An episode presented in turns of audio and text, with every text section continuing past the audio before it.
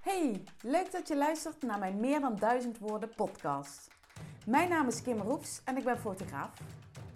In deze podcast luister je naar gesprekken tijdens het fotograferen tussen mij en mijn gast voor de lens. Gesprekken waarin ik op zoek ga naar nieuwe inzichten die mij en dus ook jou als mens en als ondernemer kunnen verrijken en inspireren. Mijn missie is om zoveel mogelijk mensen in de spotlight te zetten. Mensen met een bijzondere passie of goed verhaal. Gedreven ondernemers of mensen die zichzelf willen positioneren. Maar mijn apparatuur is slechts mijn hulpmiddel. Ik fotografeer met gevoel en met oprechte interesse in de persoon die voor mijn lens verschijnt. Het is tijd om deze verdieping te documenteren. Tijd voor een nieuwe manier van storytelling. Want een foto mag er wel meer dan duizend woorden zeggen, maar de woorden die uitgewisseld worden bij de creatie ervan kunnen veel meer of juist iets heel anders zeggen. Ben jij klaar voor Storytelling Next Level? Ik wel en ik heb er zin in. Hey, hallo en welkom bij mijn allereerste aflevering, de introductieaflevering van mijn Meer dan duizend woorden podcast. In deze aflevering ga ik je iets vertellen over wie ik ben, waar het in deze podcast over gaat en wat je kunt verwachten. Maar ook en vooral waarom ik deze podcast gestart ben. En in tegenstelling tot alle andere afleveringen die je gaat horen, is het de eerste en wellicht ook de enige solo-aflevering die je van mij zult horen. Nou, ik ben dus Kim, Kim Roefs. En die achternaam heb ik uh, gehouden toen ik trouwde met Rob in 2015. Nou, niet omdat ik zijn naam niet wilde aannemen, maar omdat ik in 1984 geboren ben als Kim Roefs. En me ook altijd Kim Roefs voel, als dochter van Schra en In. En voor de snelle rekenaar ben ik dus 38 jaar en woon in Heel. 10 minuutjes van Roermond ongeveer, in Limburg. Samen met Rob, uh, Bowie en Josje, onze kinderen, ergens aan de rand van een stukje bos. Waar we ons eigen paradijsje hebben gecreëerd. En weet je waar ik echt blij van word? van vrienden en familie. Van de schaterlach van de kleintjes, een kopje koffie aan de keukentafel, de geur van lemongrass in de sauna, mooie zonsondergang, een glimlach van een vreemde, een foto die precies uitpakt zoals ik in mijn gedachten had, of onverwachte etentjes met carpaccio. Heel veel carpaccio. Ja, ik ben geen caviar, maar een vleesmeisje. En ik ben niet van decadentie of het klatergoud, maar meer van het authentieke. En voor mijn gevoel zit de charme van het leven niet in de perfecte buitenkant, maar in de innerlijke beleving. Um, kijk bijvoorbeeld naar onze oude Volkswagenbus uit 65. Voor uh, menig een een oude roestbak, maar voor ons is het een pareltje. Uh, Rob heeft daar bijna alles zelf aan gerestaureerd. En um, de buitenkant oogt heel ruig en zit vol met schrammen. Maar van binnen ja, woont tevreden geluk. Ik vertel het liefst het authentieke verhaal ook als de waarheid schrammen heeft. En ik hou wel van een beetje, ja, heel veel zelfspot.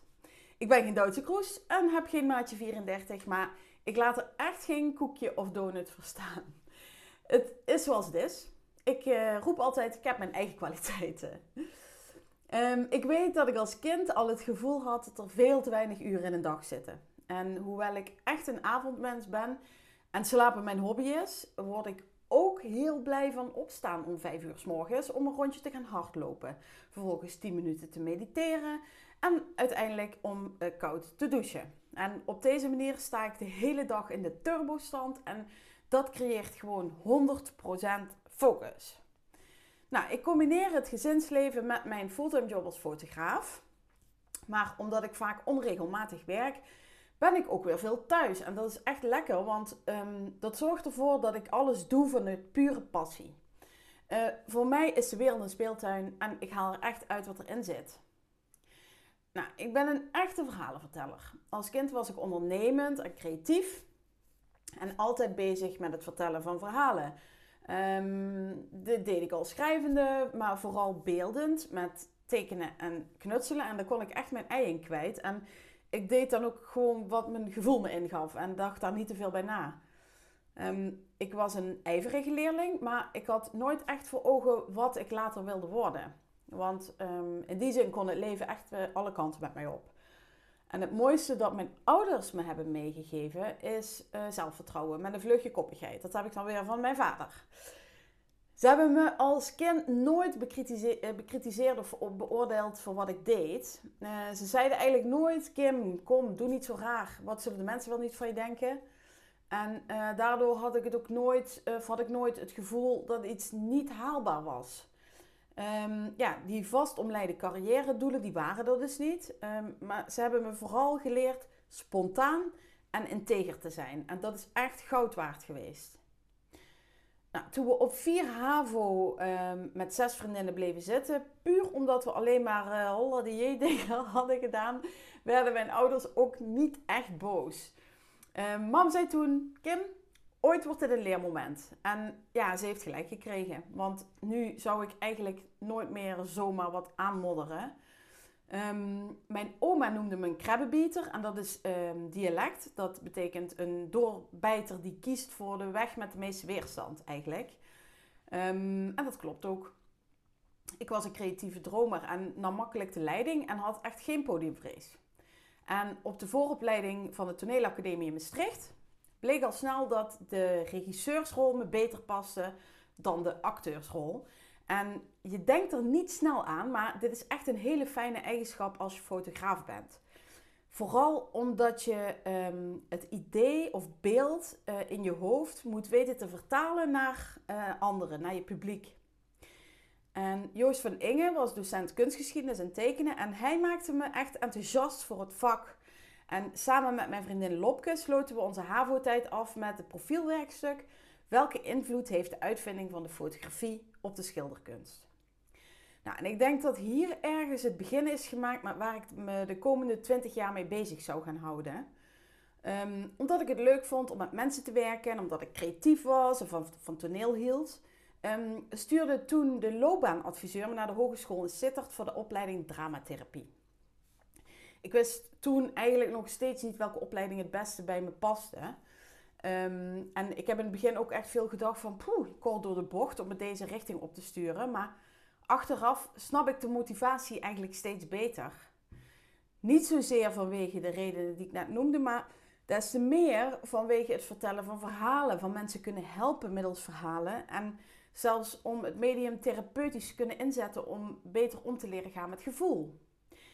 En ik denk dat de basis van wat ik mijn stijl noem, in deze tijd is gelegd. Zo rond mijn 18e, 19e levensjaar. Um, maar mijn interesse ging steeds meer uit naar het beeldende, naar de kunsten, de film, de fotografie en eigenlijk steeds minder naar die hulpverlening. Ik kwam terecht in Utrecht en schreef me in voor de opleiding theater, film en televisiewetenschappen en ging op kamers. En daar pikte ik ook de studie kunstgeschiedenis op. En uiteindelijk studeerde ik af met de master moderne en hedendaagse kunst. Um, ja, ik leerde in die tijd eigenlijk alles en de naam zegt het al uh, over theater, film en televisie, maar ook over nieuwe media, games en cultuurbeleid. En ik heb uh, de kunstvormen eigenlijk altijd in een breder kader willen plaatsen. Adi Martis was mijn hoogleraar fotografie. En door hem werd ik enthousiast om af te studeren op het vak fotografie. Mijn scriptie Reclamekiek als kunst over de autonome werking van reclamefotografie gaat over het werk en de werkwijze van Erwin Olaf, mijn grote inspirator. Ik leerde van zijn werk vooral dat men um, af kan stappen van bepaalde regels of principes en even goed kleur kan bepalen. Um, met andere woorden, ken je basis en theorie, maar durf ook te kruisbestuiven en durf buiten de lijntjes te lopen. En um, ik zelf voel me overigens geen kunstenaar, maar meer een beeldmaker. Um, naar mijn gevoel is een kunstenaar toch bezig met het uitwerken van een bepaald concept. Maar ik wil vooral gave beelden maken en verhalen vertellen. En ik werd in die tijd geprikkeld om zelf echt actief te gaan fotograferen. Eigenlijk omdat ik de hele dag met mijn neus in andermans werk zat. En um, tijdens mijn fulltime werkende leven, vanaf 2009 ongeveer, is uh, fotografie bedrijfsmatig tot groei gekomen. Ik kom toen terecht in de studio van vrienden en ja, ik experimenteerde erop los. Doen, doen, doen, oefenen, oefenen, oefenen. Ik uh, volgde een avondstudie in Mazeik en leerde daar eigenlijk de theoretische basis. Maar ja, als ik ergens achter ben gekomen de afgelopen jaren, is dat je pas echt leert fotograferen door te doen, te ontdekken, door fouten te maken en uh, vooral om daarna op te staan. Ehm, ik bewonderde de fotografen die een mooie, romantische uh, sfeer uh, neer konden zetten. Maar dit voelde bij mij ja, heel kunstmatig. Ik, ik was dan wel een dromer, maar ook een taaie op zijn Limburgse rauwe joekel. En mijn foto's voelden het beste als een rauw randje hadden met hoge contrasten, felle kleuren. Ja, en kijk nu, anno 2022. Ik ben trots op waar ik nu sta. Um, het mooiste aan mijn werk is dat ik zoveel mooie mensen mag ontmoeten en iedere dag de mooiste verhalen hoor. Um, voorafgaand aan een fotoshoot doe ik eigenlijk weinig research, want mijn inspiratie haal ik uit de gesprekken die voorafgaand en tijdens de fotoshoot plaatsvinden. Want je leert de mens pas echt kennen door niet alleen nieuwsgierig en oprecht te zijn, maar vooral door te luisteren en de juiste vragen te stellen. En daarvoor moet je binnen de comfortzone van mensen durven te komen. Dat lukt echt alleen als mensen je vertrouwen. Los van de vaktechniek waarmee je als fotograaf moet kunnen leren en schrijven natuurlijk, vertrouw ik weer uh, altijd op deze werkwijze en op mijn eigen improvisatievermogen. Fotografie is gewoon veel meer dan alleen op een knopje drukken en een mooie foto afleveren. Fotograaf Ansel Adams zei eerder al: You don't take a photograph, you make it. En um, dat, uh, vanuit dat principe, um, ik groei hierdoor niet alleen als fotograaf, maar vooral als mens. En um, hoezeer ik ook probeerde deze diepgang van mijn werkwijze te vertalen naar textuele ondersteuning bij mijn foto's, werd me het afgelopen jaar eigenlijk één ding steeds duidelijker. Ik ben helemaal klaar met bloggen. Um, onbewust schrijf je eigenlijk altijd maar eenzelfde soort verhaal rondom een foto. En wat eigenlijk ook alleen maar omschrijft wat er al op de foto te zien is.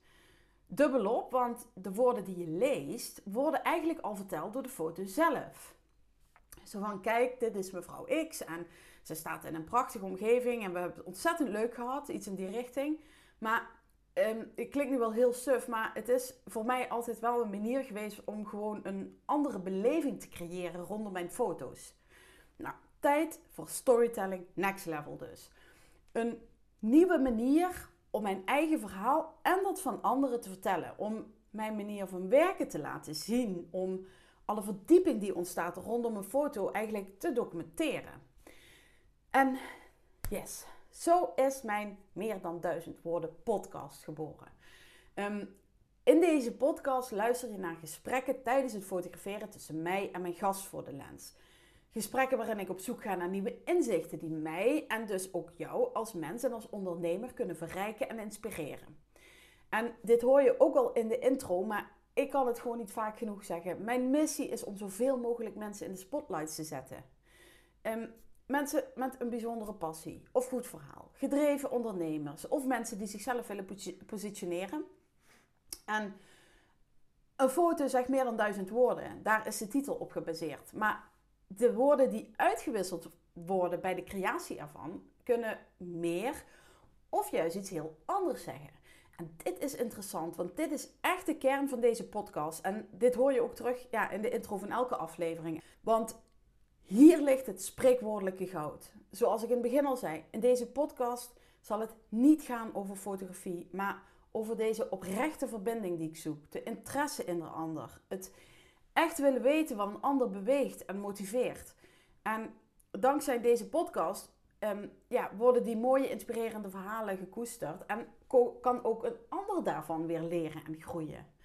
En als je benieuwd bent naar het eindresultaat van de fotoshoot, dan ga je naar mijn website of naar een van mijn sociale kanalen. Want daar zijn de foto's natuurlijk te bewonderen. Maar ook andersom, als je een foto voorbij ziet komen op een van mijn kanalen en je bent nieuwsgierig naar de persoon of het verhaal erachter, dan kun je de podcast gaan beluisteren. Leuk toch? Dream big, work smart, never give up. Dat is mijn motto. En het is de bedoeling dat ik elke twee weken een podcast met bijbehorende foto online zet. Hoewel dit natuurlijk ook kan veranderen in de toekomst. Ik kijk er in ieder, in ieder geval heel erg naar uit om deze podcast voor jullie te gaan maken. En het leuke is, aflevering 1 en 2 staan al klaar, dus die kun je al lekker gaan beluisteren. Laat je vooral verrassen en inspireren, maar ik wens je bovenal heel veel luisterplezier. Doei doei! Dankjewel dat je luisterde naar deze aflevering. Ben je benieuwd naar het eindresultaat van de fotoshoot? Klik dan op de link in de show notes van deze aflevering of ga naar mijn LinkedIn of Instagram account, kim.goefs. Als je deze aflevering interessant vond, zou ik het enorm waarderen als je deze podcast deelt met je volgers of collega's. Doorsturen kan heel makkelijk door te klikken op de drie puntjes en te kiezen voor delen.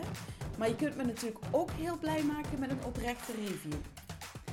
En wil je voortaan alle nieuwe afleveringen van deze podcast overzichtelijk onder elkaar zien?